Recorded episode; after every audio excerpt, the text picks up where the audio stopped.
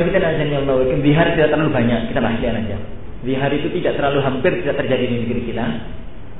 Hampir tidak terjadi. Masalah liar ya, kawan. Li'an, lam, ain, alif, nun. Allah wa yakum masalah li'an adalah berat dari kalau seorang suami melihat istrinya serong. Dan ini saya kedepankan karena banyak. Kalau seorang suami wal billah melihat istrinya serong, berbuat zina. Hukum dalam Islam, kalau ada seorang, jadi hukum dalam Islam, kalau ada seorang itu menuduh wanita berbuat zina, maka apa kewajiban dia? Mendatangkan empat orang saksi. Kalau tidak mendatangkan orang empat orang saksi, wanitanya nggak ngaku, maka dicambuk 80 kali kan itu. Itu kalau orang lain. Sekarang yang jadi masalah, sekarang ya kawan yang jadi masalah adalah kalau seorang suami melihat istrinya masuk kamar itu melihat istrinya sedang sedang bekerja dengan orang lain itu dengan zina. Seorang laki-laki yang normal. Seorang melihat istrinya berbuat zina itu tidak mungkin kemudian pergi. Eh teman-teman tiga sini saya lihat dari istri saya berbuat zina nanti kita saksikan ke pengadilan. Gak mungkin ya, mustahil. Jadi orang gila itu kalau suami begitu. Oleh karena itu, kisahnya dia lebih Umayyah. Dia melihat istrinya berbuat zina. Dia datang kepada Rasulullah SAW. Ya Rasulullah, istri saya berbuat zina. Rasulullah ngomong, Hilal. Ada saksinya, tiga orang lagi jadi empat, empat orang. Hilal mengatakan, Ya Rasulullah, apakah seorang suami melihat istrinya berbuat zina dengan orang lain terus pergi dari saksi. Ya Rasulullah mustahil. Rasulullah ngotot. Gila. Begitulah hukum Allah. Datangkan saksi, kalau tidak kamu saya cambuk 80 kali. Kamu nuduh orang berzina, meskipun istrimu sendiri, gak ada saksi, diaku, ya, datangkan saksi, kalau tidak, jadi 80 cambukan. Bila tetap ngotot, ya Rasulullah mustahil. Gambarkan wahai Rasulullah seorang suami masuk kamar lihat istrinya berbuat zina, dia pergi kemudian cari saksi. Gak pernah ya Rasulullah, gak mungkin. Wallahi Allah akan menurunkan ayat yang akan melepaskan punggungku dari cambukan. Kata Kemudian saat ibu Mu'ad yang ada di sampingnya mengatakan, Ya Rasulullah, seandainya saya jadi hilal, saya takut pedang, saya tebas keduanya dengan pedang. Setelah itu saya dibunuh, urusan kedua. Tenang saya dibunuh, sudah membunuh. Adapun saya melihat istri berbuat zina dengan orang lain terus dia masih hidup, saya sengsara selamanya. Saya tebas kepalanya dengan pedang dua-duanya, saya dibunuh selanjutnya, tenang saya mati. Rasulullah geleng-geleng kepala lalu mengatakan wahai para sahabat kalian, apakah kalian heran dengan cemburunya saat saya lebih cemburu daripada saat dan Allah lebih cemburu daripada tapi yang penting nggak mungkin ya kawan. Laki-laki normal, saya seandainya mau kalau melihat kejadian itu, ambil pedang tebas kepalanya, masuk menjara urusan nanti. Karena kan nggak. Kalau dibunuh semacam itu kan nggak mungkin kayaknya dibunuh. Pasti main menjarah gitu, umur hidup kan itu. Urusan menjara urusan nanti. Adapun seorang suami rela lihat istrinya berbuat zina dayus. Hari puluh jannah dayus. Bahwasanya tidak akan pernah masuk surga seorang laki-laki yang tidak punya cemburu pada suaminya eh, pada istrinya. Jadi tidak pernah cemburu pada istrinya. Tapi yang penting kejadian semacam itu. Akhirnya turunlah firman Allah Subhanahu wa taala di surat Al-Maidah, surat An-Nur yang panjang itu ayat nomor 6 sampai ayat nomor 8. Azwajahum wa lam yakun lahum syuhada illa anfusuhum. Fa syahadatu ahadihim ayatnya panjang tapi yang penting intinya bahwasanya kalau seorang suami nuduh istrinya berbuat zina maka kewajiban hakim pertama dipanggil sang istri. Wahai fulana, si A, suami kamu menuduh kamu berbuat zina ngaku. Kalau ngaku, ya jelas urusan sudah selesai. Nah, ya wahai sang kodi yang hakim saya berbuat zina. Udah selesai, istrinya dirajam, selesai urusan kan itu.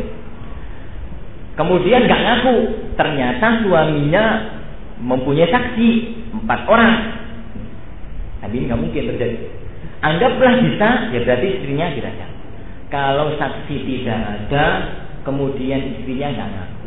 Inilah terjadi yang kita sebut lian. Lian itu Allah Rasulullah menjadi hakim memerintahkan kepada yang laki-laki suami. Suami, sang suami, istri kamu nggak ngaku, kamu sudah nuduh, kamu nggak punya saksi, istri nggak ngaku.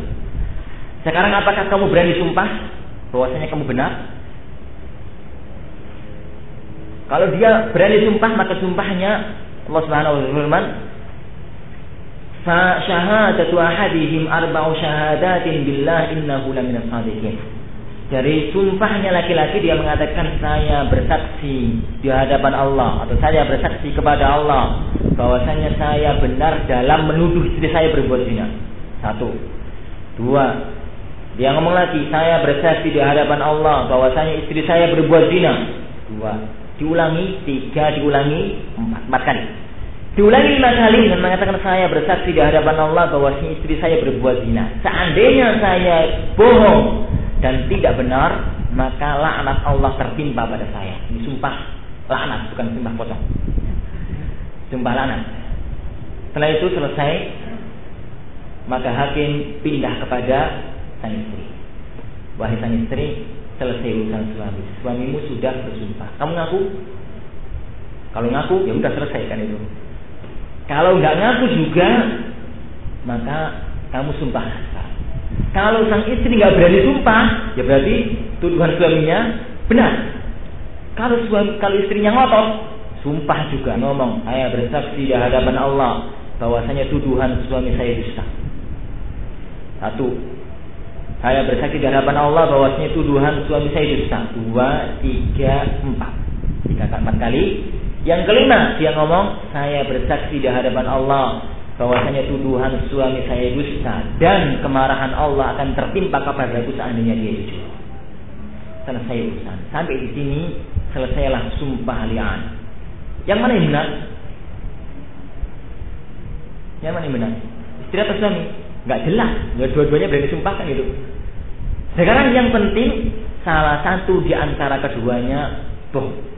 Karena sama-sama berani, sama-sama berani sumpah, salah satu di antara keduanya bohong. Kalau ya kawan sudah selesai sumpah lian, ini rentetannya panjang.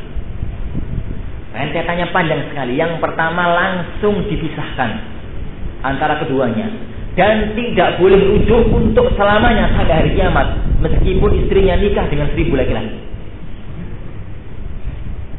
Meskipun istrinya, nih, kalau tolak yang ketiga tadi kan boleh rujuk dengan syarat nikah satu gitu. Tapi kalau di sumpah li'an tidak boleh rujuk selamanya meskipun istrinya nikah dengan seribu laki-laki. Sudah. Nama Allah digunakan untuk masalah sebesar itu sudah sampai hari kiamat. Kalau dia hidup sampai hari kiamat tidak bisa rujuk kepada istrinya. Itu yang pertama.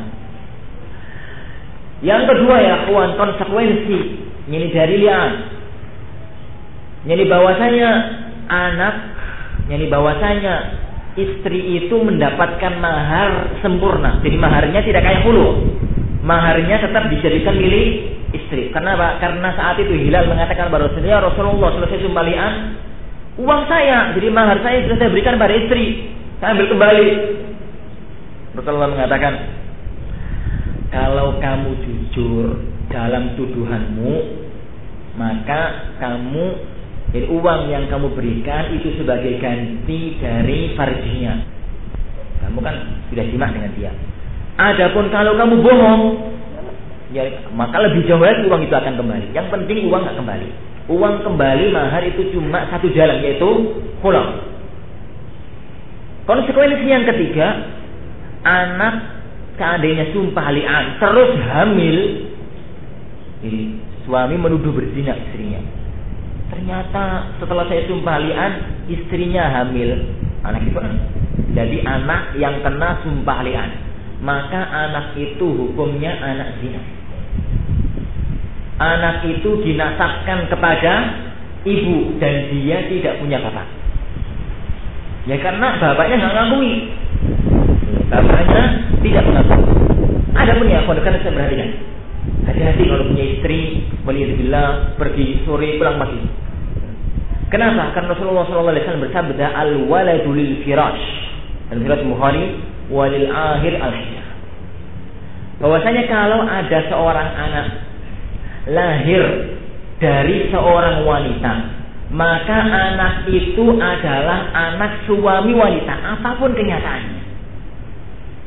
Jadi ada A nikah dengan B. B itu sukanya keluyuran, hamil gitu. Terus lahir. Lahir ternyata anaknya mirip tetangga. Bukan mirip dia, mirip tetangga. Jadi maka anak ini anak siapa? Anaknya si A. Yang penting A, B istrimu. Anak ini lahir dari perutnya si B, tak kalah dia istrimu, ya anakmu. Enggak, dia mirip tetangga. Sumpah kalian kalau berani. Kalau nggak berani anak ini anak. Karena hati ya, kawan, dalam masalah firash, dalam masalah istri, dalam masalah jadi ketaatan seorang wanita. Kenapa? Karena rentetannya panjang. Anak itu apa pun kenyataannya, anak antum. Selagi antum nggak berani lihat. Kalau mau mengatakan anak itu bukan anak saya, sumpah kalian di hadapan hakim, bukan di hadapan barangan orang. Jadi ini sumpah ini cuma bisa dilakukan di hadapan hakim di hadapan KUA kalau kalau kita sekarang kayaknya nggak nggak bisa mengatasi di pengadilan agama. Wa Jadi anak itu adalah anak. Jadi anak sang anak ibunya dan tidak ada urusannya dengan bapak. Dalam artian nanti kalau bapaknya mati, anak itu nggak mewarisi. Loh bukan anaknya, sudah dilian kan itu. Sudah dilian maka anak itu adalah bukan anaknya. Wallahu a'lam Jadi begitulah. Jadi beberapa hal secara uh, pendek sekali berhubungan dengan beberapa hal berhubungan dengan masalah ini. Tinggal ada satu masalah sebenarnya bihar. Sekalian karena masalahnya masih mungkin 10 menit atau mungkin 5 menit kita bahas secara singkat. Zihar ya kuat adalah seorang laki-laki yang mengatakan kepada istrinya, engkau Zihar adalah seorang laki-laki mengatakan kepada istrinya, engkau adalah engkau bagiku itu mirip punggung ibuku jadi anti alaiya hari ummi. Jadi engkau bagiku adalah kayak punggung ibuku. Maksudnya apa? Lafaz ini oleh orang-orang jahiliyah digunakan untuk menceraikan istrinya maksudnya gimana sebagaimana saya tidak boleh jima dengan ibuku berarti nggak boleh juga sama kamu ya begitu lafaz ini pada zaman jahiliyah adalah? Lafat ini pada zaman jahiliyah adalah talak. Tapi kemudian dihapus oleh Allah Subhanahu wa taala dalam hukum Islam dan jadi hukum tersendiri. Dihapus oleh Allah dalam hukum Islam dan menjadi hukum tersendiri dinamakan dengan hukum jihad. Kalau orang ya, orang mengatakan kamu kayak ibuku itu ada dua kemungkinan. Kemungkinan yang pertama dia meniatkan dalam hatinya kamu kayak ibuku dalam artian sebagaimana ibuku tidak boleh saya jimai kamu pun nggak boleh itu namanya hukum zihar. Tapi kalau niatnya tidak begitu maka nggak nggak zihar. Oh masakan kamu dek kayak masakan ibuku gitu. Atau kamu kayak ibuku masaknya itu. Dia nggak apa-apa nggak masalah itu. Sering muncul pertanyaan, apa hukumnya sang suami manggil istrinya Umi? Apakah hukumnya zihar atau tidak? Tahu ada, ada, ada, ada pertanyaan macam itu. Ya apa hubungannya ya kawan? Seorang suami manggil adik manggil istrinya umi itu kan bukan karena dia ibunya, ngajari anaknya. Ngajari anaknya atau kalau memang adatnya manggilnya abi dan umi gitu aja kan itu. Ada pun lihat diniatkan niat dalam hatinya dia mengucapkan lafaz semacam itu untuk me atau untuk tidak boleh jima dengan istri. Hukum zihar ada dua kemungkinan. Yang pertama dia ngomong begitu benar-benar kepengen menceraikan, ya cerai. Tapi setelah ngomong begitu tuh kemudian ingin jima lagi sama istrinya, dia tidak boleh jima sama istrinya kecuali bayar kafar. Dan kafarahnya berat. Dalam awal-awal surat Al-Mujadilah ayat 1 sampai berikutnya Allah Subhanahu wa taala memberikan kafarah bagi orang yang melihara istrinya yang pertama membebaskan budak kalau ada kalau tidak ada, yang sekarang memang tidak ada budak. Yang kedua adalah me atau berpuasa dua bulan berturut-turut. Berat nih, dua bulan berturut-turut. Tidak boleh lawang sehari pun juga. Ini bagi sang suami. Kalau tidak mampu juga, karena sudah tua, sudah sakit-sakitan, maka dia wajib untuk membayar. Dia wajib untuk memberi makan 60 orang fakir miskin. Itu cara ringkas ya, kita nazani Allah wa Masih ada beberapa hal yang berhubungan dengan jihad dan jian, tapi ini bisa dilihat pada beberapa kitab yang berhubungan dengan masalah pernikahan. Mudah-mudahan bisa dilengkapi dengan tanya jawabnya. Wallahu a'lam. Sallallahu alaihi wasallam baraka Kemudian tadi materi itu Dan sekarang kita sekiranya jawab Bagaimana untuk Saya kurang bahwa Yang ingin nanti ada pertanyaan Saya sampaikan Hari kertas secara tertulis Akan kita bacakan Pertanyaan yang masuk Yang mungkin nanti tidak bisa semua terjawab Atau tidak bisa semua dibacakan Yang pertama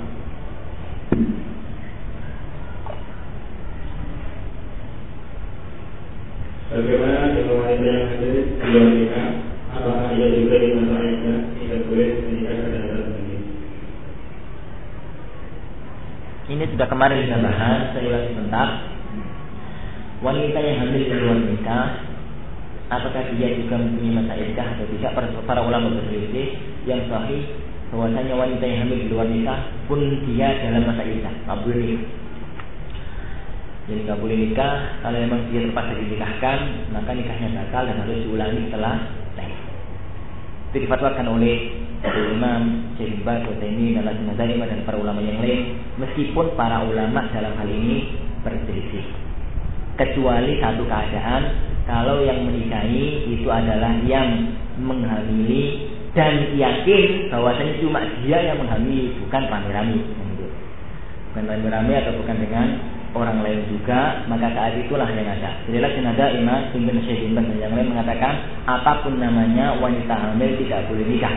Jadi kalau dinikahkan maka dia harus menikah ulang selesai lahir dan anak itu adalah anak yang tidak syar'i. Wallahu a'lam. Setelah terjadi perceraian, namun sang istri dalam menjalani masa iddah menikah rumah sang suami, saya di dan suami minta istrinya tidak di rumah suami namun istri menolak apakah sang suami tetap membiayai kehidupan sang istri Allah aku pertama yang lupa tadi bahwa cerai itu sah tanpa pengadilan. Ini yang hati-hati. Karena sebagaimana sebagaimana nikah lewat KUA, cerai lebih jelimet lagi. Kalau cerai ini terus ke pengadilan agama dan lain-lain. Mana katakan ya kawan?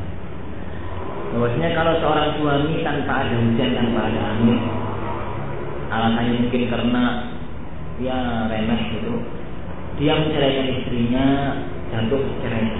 Sejak dia mengatakan kamu saya ceraikan. Setelah itu kan ngurus surat cerai. Indonesia ngurus surat cerai di KUA disuruh ke pengadilan. Sampai di pengadilan cerainya ditolak. Mungkin Sering ya buat. Sering. Habis pengadilan, pengadilan nggak membolehkan, nggak memberikan surat cerai, kamu harus balik sama istrimu. Kan ya, kawan, dalam keadaan semacam itu jatuh cerai atau tidak jatuh? Hati. Dan yang lebih parah lagi kadang-kadang sebagian masyarakat subhanallah cerai sekarang. Cerai sudah belum belum cerai. Kemudian lama nggak dari urus-urus pengadilan. Yang penting lapar cerai keluar, keluar lapar cerai. Kamu saya ceraikan itu ada suami. Kemudian sang suami atau sang istri nggak nggak ngurus ke pengadilan sana. Nggak diurus-urus, habislah masa idah. Setelah habis masa idah baru diurus ke pengadilan. Selesai diurus ke pengadilan, menetapkan tidak sah atau pengadilan menetapkan bahwasanya alasan untuk menceraikan istri nggak nggak nggak nggak layak. Kamu harus rujuk pada ya wan. Kalau perintah pengadilan semacam itu terus dia rujuk lagi kepada suaminya, maka hukumnya gimana? Dia harus nikah lagi. Kenapa? Sudah cerai, tolak rojai, selesai iddah, rujuk lagi, yang nikah lagi. Oleh karena itu hati-hati. Jadi pengadilan itu bukan mengesahkan dan bukan tidak mengesahkan. Pengadilan itu cuma mencabut surat nikah KUA itu aja. Dan untuk mencabut surat nikah KUA itu sulit kadang-kadang di pengadilan. Tapi lama cerai jatuh kalau antum melapatkan lama cerai. Karena itu saya sering mengatakan pada ikhwan, jadi hati-hati dengan lafaz semacam ini. Terutama di Indonesia, yang mana cerai harus lewat pengadilan. Padahal tidak. Gugatan cerai sah atau antum menceraikan seorang istri sah meskipun tidak lewat pengadilan. Oleh karena itu, oleh karena itu betapa jadi banyak kasus-kasus saya temukan bahwasanya sebenarnya orang ini harus nikah baru. Tapi enak aja lucu. Dibilangin nggak mau gitu. Yo, yang penting pengadilan nggak mengesahkan nikah baru, nggak nggak nggak nggak memerintahkan nikah baru selesai. Kan itu ya, hati-hati bahwasanya zaman-zaman semacam ini jadi banyak orang-orang yang memimpin di memimpin agama ternyata itu bukan berhak memimpin agama. Ini penting. Masalah kita. Sang istri tidak mau tinggal di rumah suami. Ditolak gitu ya. Cuma padahal suaminya meminta tinggal di rumah suaminya. Tinggal di rumah, jadi istrinya itu tinggal di rumah orang tuanya. Apakah sang suami tetap membiayai kehidupan sang istri? Tidak. Kenapa? Karena istrinya sekarang itu khusus, khusus itu durhaka. Jadi seorang istri yang durhaka pada suaminya, itu suami berhak untuk tidak ngasih nafkah. Sang suami, sang istri yang pada saat rujuk, pada saat talak rojai itu masih istri. Karena dia diperintahkan untuk tinggal di rumah sang suami nggak mau, dia tinggal di rumah sang istri maka dia berdosa melanggar perintah Allah. Dan suami tidak wajib memberi nafkah. Tidak wajib untuk memberi nafkah. Adapun kalau suami yang usir maka suaminya berdosa dan dia tetap berkewajiban ngasih nafkah. Karena yang dosa adalah suaminya. Allah Allah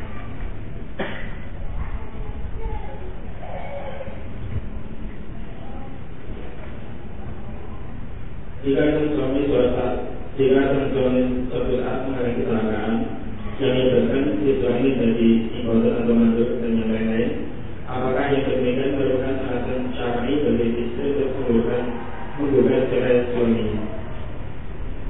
Antara impoten dengan mandul tidak selamanya sama. Tidak selamanya orang tidak impoten tidak mandul dan tidak selamanya orang mandul impoten. Benar? Yang kedua ini masih lain-lain nah. Apakah selamanya orang mandul itu impoten? Mungkin dia bisa jima, hanya saja air maninya itu tidak bisa menembus nasi kan itu. Yang penting antara mandul dengan impoten harus dibedakan. Yang dibahas oleh para ulama kita bukan mandul, tapi impoten. Impoten karena memang tidak bisa berdiri atau memang karena tidak punya itunya atau yang lain yang penting impoten. Maka maka pertama ya kuat seorang istri ada beberapa kemungkinan. Kemungkinan yang pertama kalau dia nikah setelah nikah ternyata suaminya begitu. Itu ada dua kemungkinan. Kemungkinan pertama sebelum nikah suaminya ngomong, wahai Bulana, saya mau nikah dengan anti, tapi saya tidak punya itu, gitu, misalkan Mau kalau mau ya berarti tidak berhak nanti setelah nikah juga. Ya, dari awal sudah bilang kan itu. Dari awal sudah bilang. Tapi kalau dari awal nggak bilang, maka sang istri mempunyai hak untuk membuka. Jadi sang istri mempunyai hak untuk membuka. Tapi Umar bin Khattab mengatakan istri itu wajib untuk menunggu selama setahun. Kenapa setahun? Kali kata Umar. Barangkali suaminya itu nggak bisa kalau musim panas, kalau musim dingin bisa. Atau kebalikannya, yang penting setahun. Kalau ternyata dalam kisaran satu musim, satu tahun nggak bisa beneran, maka berhak untuk membuka ke. Allah alam. Karena apa ya, kawan?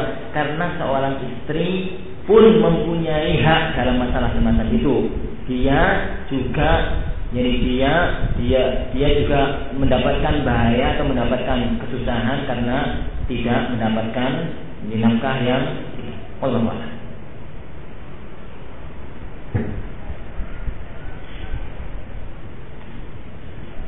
Saudara kita alasan diambil dari jadi ditetapkan sering kali cerai. Jika sobek, bagaimana keadaan contoh dari kisah tersebut? Kisah itu sahih. Bahwasanya Al Hasan ibnu Ali radhiyallahu an sering nikah dan sering cerai. Beliau adalah Sayyidu di Ahli Jannah Tuannya pemuda surga Keadaan-keadaan semacam itu harus kita bawa kepada satu hal di mana beliau menceraikan istrinya karena ada keperluan mendesak. Tidak bisa kita langsung. Bahwasanya Hasan bin Ali melakukan itu karena memang ada keperluan mendesak untuk melakukannya. Dan itu yang kita katakan dari awal bahwasanya cerai itu boleh kalau memang ada keperluan mendesak. Anggaplah bahwasanya tidak begitu apa pun kedudukan Hasan beliau adalah manusia biasa yang bisa salah bisa tidak.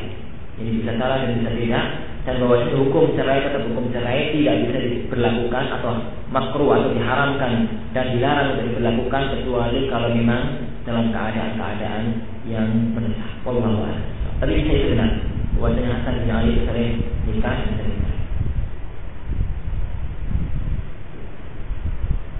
Bagaimana tata cara rujuk untuk orang kembali? Apakah perlu rencana kasih? Tolak eh, rujuk untuk talak rujuk katakan aja pada istrimu saya merujuk anti kembali. Adapun saksi itu disunahkan.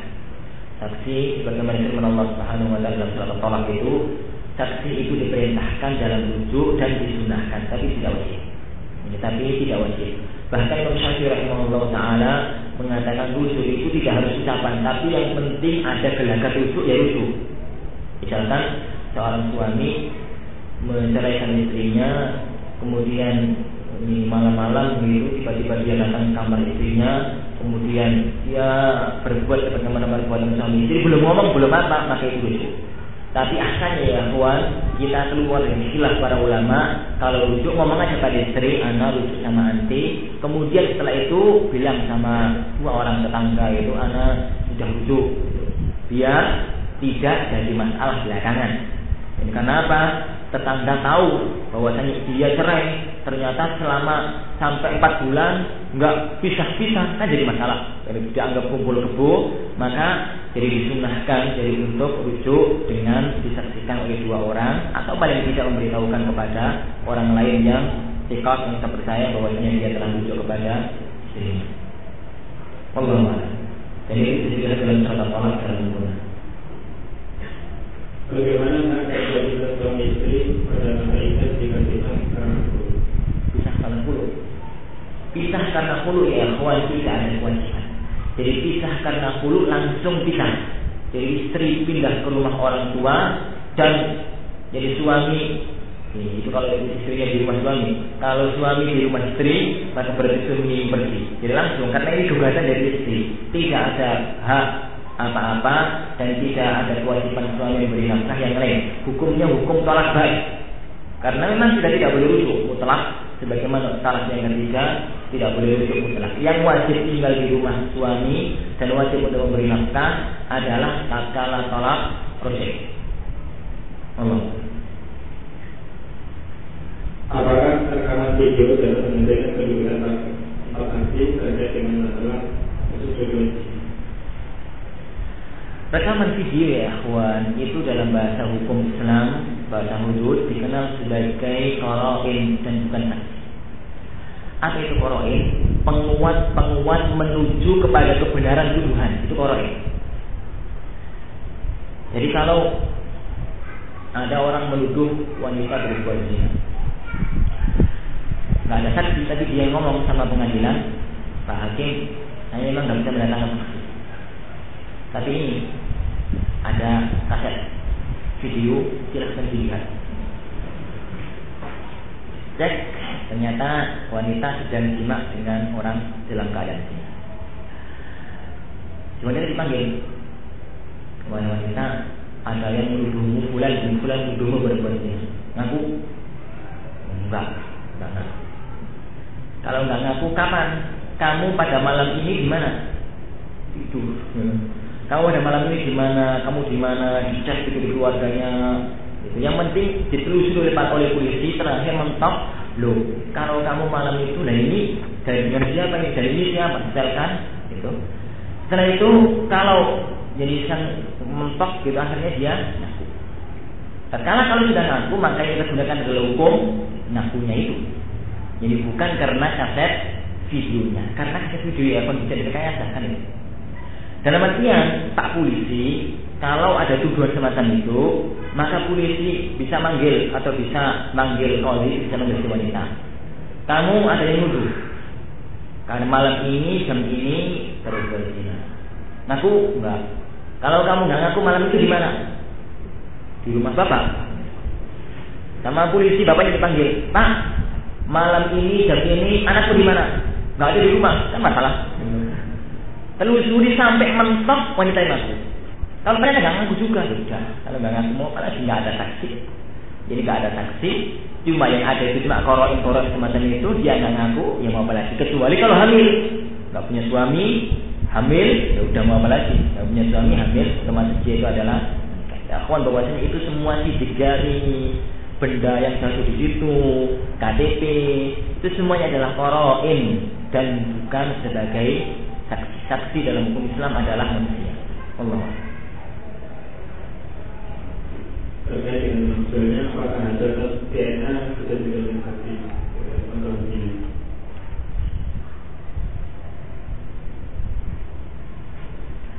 Kalau kita nazari Allah wa sekali lagi, sekali lagi akhwan hasil tes DNA itu tidak bisa jadi saksi ini tidak bisa jadi saksi hukum Islam sangat hati-hati dalam ini. Jadi jangan sampai ada anak zina dan jangan sampai ada keluarga pisah. Hati-hati sekali dalam hukum Islam. Sampai saking hati-hati ya berarti yang seorang yang para Kalau ada seorang suami yang dia itu majbub, majbub itu zakarnya terpotong nggak sama adiknya, nggak sama apa pada waktu itu kan nggak punya dekar. Terus dia nikah sama wanita, seorang wanita nikah sama dia. Kemudian hamil, hamil tujuh bulan atau delapan bulan selesai kehamilan lahir. Anak kita anak siapa? Anaknya laki-laki nggak punya dakar itu anaknya siapa? Iya. Anaknya laki-laki itu meskipun nggak punya dakar Kenapa? Al-waladul firash. Jadi anak itu adalah tergantung di mana dia dilahirkan. Tatkala dari isinya siapa? Kalau si angotot, si suami anak kan tidak punya gitu kok bisa lahir anak itu bukan anak saya, sumpah lihat. Kalau nggak boleh lihat anak itu anak. Dan dalam masalah ya, dalam masalah perhatikan. Kita Hilal Ibu Umayyah. Rasulullah SAW selesai peristiwa li'an itu, beliau mengatakan, perhatikan wahai para sahabatku, wanita ini yang hamil. Kalau nanti anaknya lahir begini begitu, rambutnya keriting, kemudian pantatnya besar dan lain-lain, maka berarti tuduhan hilal benar. Tapi kalau lahir tidak semacam itu, berarti tuduhan hilal Ternyata lahir benar Sebagaimana gambarannya Rasulullah rambutnya keriting, kemudian pantatnya besar. Berarti tuduhan suami itu benar. Apa kata Rasulullah? Apakah dirajam? Tidak. Rasulullah mengatakan laula. Jadi seandainya bukan karena ketentuan Allah sudah lian, nggak boleh dikutik-kutik, maka saya rajam dia. Pasti sekarang bahwasanya dia berzina. Jadi bahwasanya dia berzina, tapi ternyata sudah sumpah lian nggak ada bukti, nggak ada empat saksi, nggak ada, nggak mau ngaku dan dan dia juga nggak mau ngaku. Mau apa lagi sudah selesai urusan. Oleh karena itu ya, kawan hukum ini jadi lebih baiknya ditutupi. Antum kalau tahu seorang wanita berzina nggak punya saksi, dia macam udah dia. Katakan mudah-mudahan dia bertobat. Selesai. Jangan diubah di di pengadilan, Pak fulan berzina gitu. Kamu nggak punya saksi, antum yang ketangkep. Itu 80 kali. Ini. Atau antum punya saksi, tapi saksinya semuanya kurang sempurna. Saksi yang pertama mengatakan, saya melihat zakatnya di farji. Yang kedua, Saya melihat begitu yang ketiga, Pak, saya cuma melihat dua orang telanjang di kamar. Selesai. Berarti tuduhan itu nggak benar. Hati-hati ya. Ketika pernah dalam kejadian Islam ada zina bisa dihukum lewat saksi. Semuanya pakai ngaku. Semuanya pakai ngaku. Dan ya, kuat. Islam menjadikan zina itu jangan disebarkan, diekspos gitu di media. Tutupi. Ini masalah aib. Berarti kan laki sah wanita al-ghamidiyah yang dia ngaku di hadapan Rasulullah Sallallahu Alaihi ya Rasulullah saya zina sucikanlah saya Rasulullah tetap melengos kanan mengos kiri maunya kamu jangan ngaku pulang aja maunya gitu Rasulullah kemudian dia ngomong ya Rasulullah saya hamil ya udah kalau udah hamil saya hamil Rasulullah ngomong pergilah lahirkan anak pergi seandainya ya kuan seandainya wanita itu pergi kemudian nggak kembali lagi pada Rasulullah apa dicari enggak Wanita itu ternyata setelah lahir datang lagi pada Rasulullah. Ya Rasulullah ini anak saya yang dulu saya bilang. Rasulullah bilang pergilah susui sampai dua tahun. Dua tahun sampai dua tahun balik lagi kepada Rasulullah. Ya Rasulullah anak saya sudah dua tahun bisa makan sendiri. Tajam anak saya. Rasulullah ngomong siapa yang merawati anak ini? Atau sahabat mengatakan saya Rasulullah yang akan merawati. Dia di diraja. Apa yang kita jadikan masalah? Rasulullah tidak pernah tanya, kamu zina ya? Ya, dengan siapa? Tidak pernah tanya. Apakah mungkin berzina dengan binatang? Rasulullah tahu bahwasanya dia berzina itu dengan orang, tapi tidak pernah ada satu penafat yang keluar dengan siapa. Menunjukkan ya kawan, bahwasanya zina ini tertutup kalau ngaku, ngaku untuk dirinya. Tapi yang lain biarkan aja, mudah-mudahan dia bertobat. Mudah-mudahan dia bertobat. Mudah-mudahan Allah Subhanahu wa taala mengampuni dia. Jadi orang yang orang-orang semacam itu yang kita jadikan pilihan dalam Islam cuma empat. Cuma tiga, saksi empat, kemudian hamil di luar nikah atau ngaku DNA, video, sidik jari itu semuanya dalam hukum Islam dinamakan dengan toroin. Jadi penguat tuduhan. Kalau nanti menjadikan dia ngaku, alhamdulillah. Kalau tidak, berarti tuduhan dusta. Berarti tuduhanmu adalah sebuah tuduhan yang Allah Lengkapnya pada masalah hukum jinayah dan bukan pada masalah hukum nikah.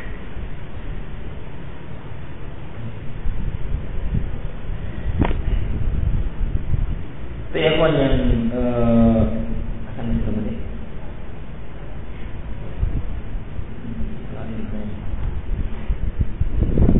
dari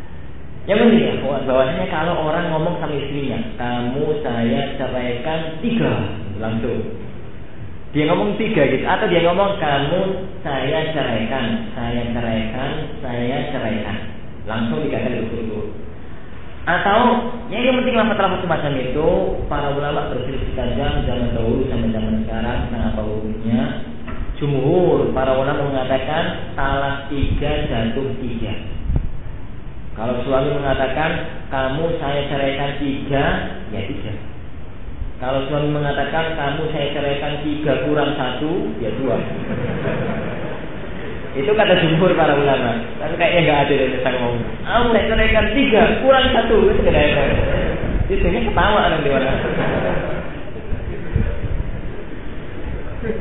yang penting ikhwan. Dalam ada jumhur para ulama bahwa cerai tiga saja Entah dia mengatakan saya kamu saya ceraikan kamu tiga kali atau dia mengatakan saya ceraikan kamu saya ceraikan saya ceraikan. Sebagian para ulama di antara Imam Ibnu Hazm rahimahullah dikuatkan oleh Syekhul Islam Ibnu Taimiyah rahimahullah taala Imam Ibnu Qayyim al-Jauziyah rahimahullah. Kemudian pada zaman sekarang oleh Lajnah Daim oleh Syalbani dan oleh para ulama yang lain bahwasanya cerai tiga jatuh satu. Ini cerai tiga jatuh satu. Dan Allah alam itu yang sahih menurut saya kenapa? karena yang menjadikan cerai tiga jatuh tiga itu umat bukan Rasulullah berarti kan hadis berikut bahwasanya Ibnu Abbas radhiyallahu an dari Ibnu Abbas beliau mengatakan kana talaqu ala ahdi Rasulillah wa Abi Bakar wa sinin min khilafati Umar talaq salat wahidah. Jadi talak pada zaman Rasulullah, pada zaman Abu Bakar dan di awal-awal pemerintahan Umar bahwasanya talak tiga itu jatuh satu. Kemudian banyak orang sembrono tiap kali cerai kamu saya ceraikan tiga gitu Umar marah. Kenapa? Hukum cerai dibuat main-main. Biar mereka kapok. Maka Umar mengatakan, jadi inna nasa ta'jalu. Mereka manusia itu sudah tergesa-gesa. Gerasa gerusu dalam urusan semacam ini. Kalau cerai tiga jatuh tiga, kata Umar. Dia khalifah. Perintahnya ditaat, nggak ada orang tentang. Sejak zaman Umar, maka salah tiga jatuh tiga. Dari situlah maka muncul khilaf yang tajam di kalangan para ulama, apakah salah tiga dan tiga atau tiga. Tapi Allah alim sawab bahwasanya yang terjadi pada zaman Umar itu adalah sistem politik zaman itu. Dalam artian kalau nanti ada khilafah pemerintah Islam atau mungkin bapak presiden kita ini tahu hukum, kemudian melihat di Indonesia itu orang Indonesia Muslim kalau menceraikan tiga kali tiga kali semua Beliau misalkan marah, Pak SBY marah. Dibuatlah kepres. Putusan presiden bahwasanya nomor sekian dan nomor sekian orang yang menceraikan tiga jadi tiga maka jadi tiga karena sekarang yang kita jadikan pedoman adalah keputusan imam dan keputusan imam nggak boleh digugurkan tapi dalam keadaan tanpa ada keputusan imam sebagaimana zaman Umar kembali pada hukum asal zaman Rasulullah talak tiga jatuh satu dan itu diperlakukan oleh Rasulullah di zaman Rasulullah, juga pada zaman Abu Bakar, dan juga di awal-awal pemerintahan Utsman, pemerintahan Umar sebelum manusia banyak melakukan talak tiga proses. Allah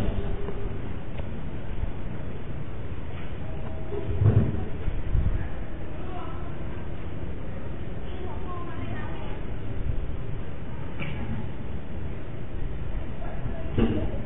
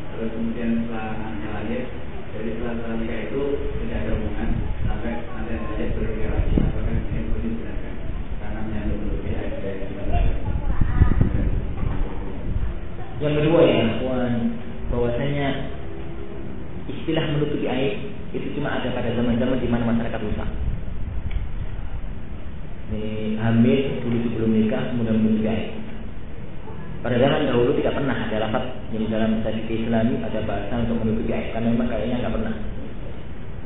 Tapi yang penting ini kita hidup di zaman semacam ini kita mohon kepada Allah untuk menyelamatkan kita semua.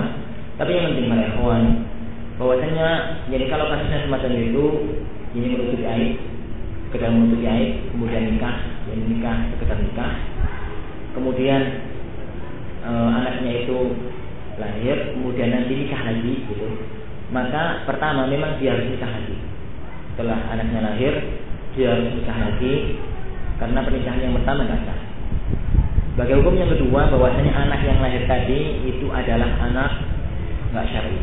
Ini anak itu bukan anak syar'i. Anak ibunya bukan anak bapaknya. Dan hukum ini sudah kita bahas pada pertemuan kemarin tentang konsekuensi seorang anak yang anak itu bukan anak syar'i. Adapun kalau masalah bagaimana dengan masalah dia menutupi aib, ini bagaimana dengan masalah dia menutupi aib? Anda tidak bisa mengatakan apa-apa kecuali ini bahwasanya menutupi aib, ini menutupi aib itu sesuatu yang diperintahkan. Ini menutupi aib itu adalah sesuatu yang diperintahkan. Jangan sampai dalam tubuh kaum muslimin banyak anak-anak yang begitu. Tapi harus diketahui oleh pasangan suami istri, mau suami istri itu bahwasanya anak yang pertama tadi tetap bukan anak syar'i mereka. Tapi masalah menutupi aib itu dilakukan Allah Ada pun masalah yang pertama, masalah apa tadi? Uh, masalah ihdad. Ihdad ya, kawan seorang wanita tidak boleh berhias dan dia tidak boleh keluar rumah kecuali kalau terpaksa keluar rumah. Jadi kecuali kalau terpaksa keluar rumah, memang tidak mau keluar rumah, maka saya cenderung mengatakan benturan sekarang antara larangan dengan kewajiban. Kewajiban memenuhi undangan dengan larangan keluar rumah. Ini dengan larangan keluar rumah. Nah, di cenderung mengatakan bahwasanya sang wanita itu lebih baik di dalam rumah. Lebih baiknya untuk di dalam rumah ya sesabarlah dua bulan. Ini empat bulan sepuluh hari. Sama waktu itu tidak panjang dan mudah-mudahan dengan itu dia bisa berbakti kepada suaminya yang telah meninggal dunia. Allah.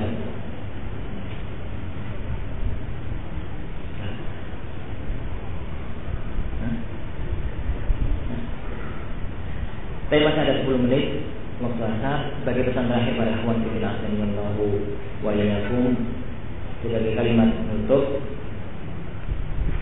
Sebagai kalimat penutup anak mengatakan kepada semuanya dari yang belum nikah. Kalau sudah mau nikah nikah yang kedua bahwasanya antum jangan jadikan antum jangan bayangkan bahwasanya antum nikah akan mendapatkan seorang wanita yang sangat sempurna. Jadi hidup berkeluarga jadi antum masuk ke dalam situ siaplah untuk menghadapi banyak permasalahan. Bayangkanlah bahwasanya rumah Rasulullah SAW rumah yang paling utama itu pun sering terstop, apalagi wanita-wanita yang lain. Karena apa? Orang itu memasuki rumah tangga itu tergantung bagaimana persepsi dia sebelum masuk. Kalau persepsi dia sebelum masuk itu adalah mesti tidak pernah ada cekcoknya. Kalau istri saya bagus itu nanti ada masalah dikit ribut tapi kalau dia sudah siap dari awal, insya Allah nggak ada permasalahan.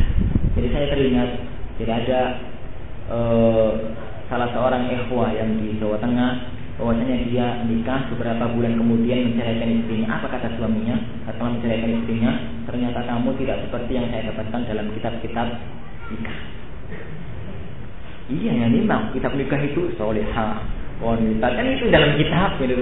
Tapi dalam praktek akan kenyataan yang ada. Seringlah katakan pada sang suami, kalau istri antum sedang ngambek, katakan pada diri sendiri Rasulullah saja pernah marahan dengan suami dengan dengan istrinya bulan. Rasulullah pernah masuk rumah gak digubris sama istrinya, malam. Gak digubris sama istrinya, gak ada siapa ngomong, gak ada siapa. Itu Rasulullah SAW, Rasulullah gak marah, bersabar terhadap kekakuan dan perbuatan semacam itu. Camkan bahwasanya tidak ada wanita yang tidak, yang tidak melakukan itu, mesti tidak ada wanita yang lebih sempurna dari Aisyah dan itu mesti akan terjadi.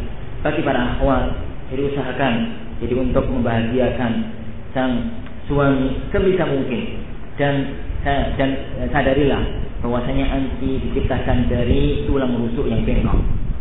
Sadarilah bahwasanya anti mau sadar atau tidak tapi yang penting jelas itu diciptakan dari tulang rusuk yang bengkok. Jadi perbanyaklah istighfar kepada Allah Subhanahu wa taala karena suami anti adalah surga anti dan neraka anti tentang masalah ketaatan kepada Allah Subhanahu wa taala. Selanjutnya ya akhwan, bahwasanya dalam kehidupan rumah tangga kedepankan menjalankan kewajiban dan jangan kedepankan menuntut hak. Karena kalau orang itu terlalu mengedepankan menuntut hak, maka yang terjadi adalah semakin ribut. Yang selanjutnya, bahwasanya bahwasanya dalam kehidupan rumah tangga jangan terlalu berbesar masalah-masalah kecil. Jadi kalau memang antum cocok dengan seorang wanita dengan seorang istri dalam banyak hal, tidak cocok dalam satu dua masalah, itu aja. Tidak ada wanita ya akhwan yang sempurna. Antum bayangkan Aisyah, antum mau nikah dengan Aisyah? Perhatikan. Aisyah dengan kecerdasannya, dengan kemanjaannya, dengan kecantikannya, dan dengan segalanya, tapi tidak semua orang mampu nikah dengan Aisyah. Beliau adalah seorang wanita pencemburu berat. Kisah-kisah Aisyah semuanya ribut gara-gara cemburu kan itu. Rasulullah Shallallahu Alaihi Wasallam menjembelih kambing, kembali bulan kasihkan kepada temannya Khadijah. Marah Aisyah mengatakan Kayaknya di dunia ini cuma ada satu wanita. Wanita itu tua, renta kayak begitu. Kamu sudah diberi yang lebih muda kok masih. Kalau bahasa kita itu bahasa Arabnya ya ada beda. Sallallahu Sallallahu Alaihi Wasallam merah saja terhadap kejadian itu. Peristiwa piring tadi, kemudian peristiwa-peristiwa yang lain. Aisyah adalah seorang penjemburu berat. Antum siap nikah dengan Aisyah? Belum tentu ya, kawan. Antum jangan lihat Aisyah dengan kecerdasannya, kealimannya, dan lain-lain. Lihatlah sisi yang ini. Rasulullah mampu untuk menghadapi. Itu Aisyah. Bagaimana yang lainnya? Bagaimana dengan yang lainnya? Oleh karena itu kalau ya, kalau antum masalah dikit diperbesar, yakinlah nggak akan bertahan lama. Yakinlah nggak akan bertahan lama. Tapi yang antum hadapi adalah kalau istri antum seorang pencemburu berat, ya siaplah dari wanita dari seorang suami yang dengan seorang istri yang pencemburu berat. Kalau antum jadi menghadapi seorang istri yang sama sekali nggak cemburu, ya siaplah untuk itu. Belajar tahun, dua tahun, tiga tahun, lama-lama akan berhasil menghadapi. Jadi begitu juga dengan sang suami. Jadi tidak semua orang dan tidak ada seorang pun yang mendapatkan lelaki dan seorang suami ideal kecuali para nabi dan para rasul. Jadi kalau antum mimpi, jadi seandainya antum datang kepada ustaz ngomong, ustaz carikan istri bagi anak atau carikan suami bagi anak, istrinya dengan syarat cantik, keturunan orang kaya, kemudian solehah, kemudian dia dari keluarga besar. Kalau anak yang ditanya begitu, jawabannya satu. Kalau anak yang ketemu, tak ambil yang kedua kalinya. Kalau anak yang dapatkan wanita semacam itu, anak yang ambil. Bukan saya pada antum. Karena apa ya akhwat? Cari wanita kayak begitu sulit. Jadi begitu juga dengan dengan akhwat. Kalau nyari ini akhwat, jangan cari yang yang yang ganteng, pinter, soleha, soleh, yang lain-lain Sulit dari Kalau ada, alhamdulillah. Kalau tidak ada, maka yang lain. Dan itulah yang ada.